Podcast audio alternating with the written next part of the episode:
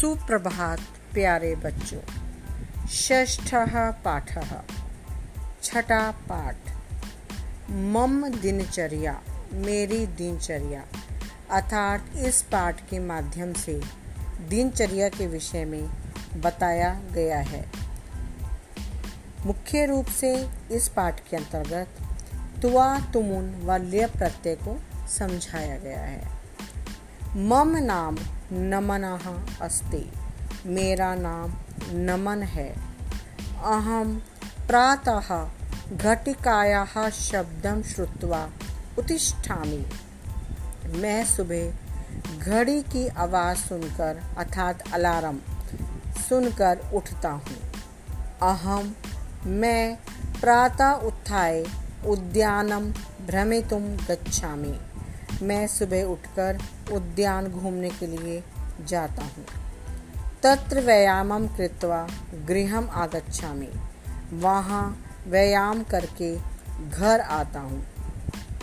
गृहम आगत्य घर आकर दंत धावनम कृत्वा दांतों को साफ़ करके, यानी कि ब्रश करके, स्वच्छ जलेन, साफ़ पानी से, निर्मल पानी से स्नात्वा नहाकर स्वच्छानी वस्त्राणी च धारयामी स्वच्छ वस्त्रों को धारण करता हूँ। ततः तत्पश्चात पूजा गृह गत्वा, पूजा घर जाकर ईश्वरम स्मृत्वा, ईश्वर को याद करके श्लोकान पठामी श्लोकों को पढ़ता हूँ। गृहात बहिन स्थितेभ्य, वृक्षेभ्य जलम प्रदाय तान रक्षामी। घर से बाहर स्थित वृक्षों को जल देकर उनकी रक्षा करता हूँ। माता पितरों प्रणम्य फलम खादित्वा पठितुम विद्यालय आगच्छामि। माता पिता को प्रणाम करके फल खाकर पढ़ने के लिए विद्यालय आता हूँ। विद्यालय विद्यालय में अध्यापकान नत्वा अध्यापकों को नमस्कार करके सम्यक प्रकार पठामी, ठीक प्रकार से पढ़ता हूँ।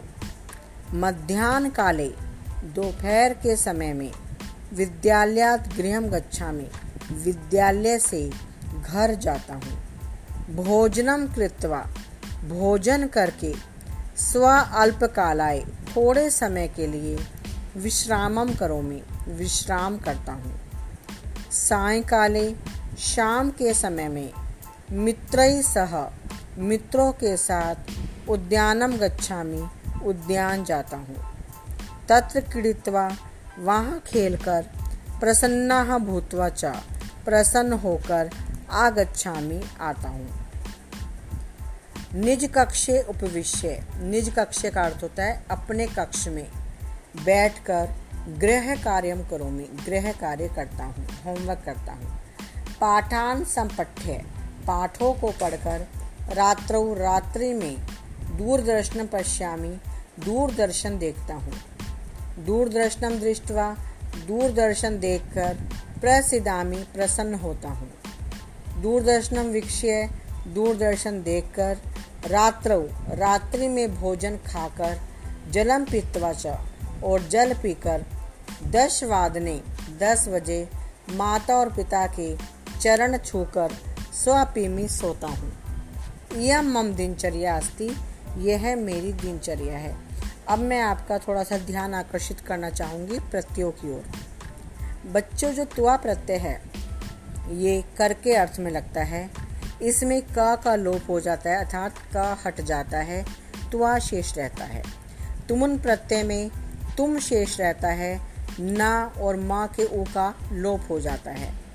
और ये के लिए अर्थ में प्रयुक्त होता है। लियप प्रत्यय। लियप में ल और पा का लोप होने के कारण केवल यह शेष रहता है और इसका प्रयोग भी के लिए अर्थ में ही कर के अर्थ में ही होता है। जिस अर्थ में त्वा का प्रयोग किया जाता है, उसी अर्थ में लियप का प्रयोग होता है। परंतु मुख्य अंतर इसमें यह है कि लियप प्रत्यय में हमेशा धातु से पहले उपसर्ग का प्रयोग किया जाता है और त्वा प्रत्यय में केवल धातु और प्रत्यय ही होता है। धन्यवाद प्यारे बच्चों। बार बार इसका अभ्यास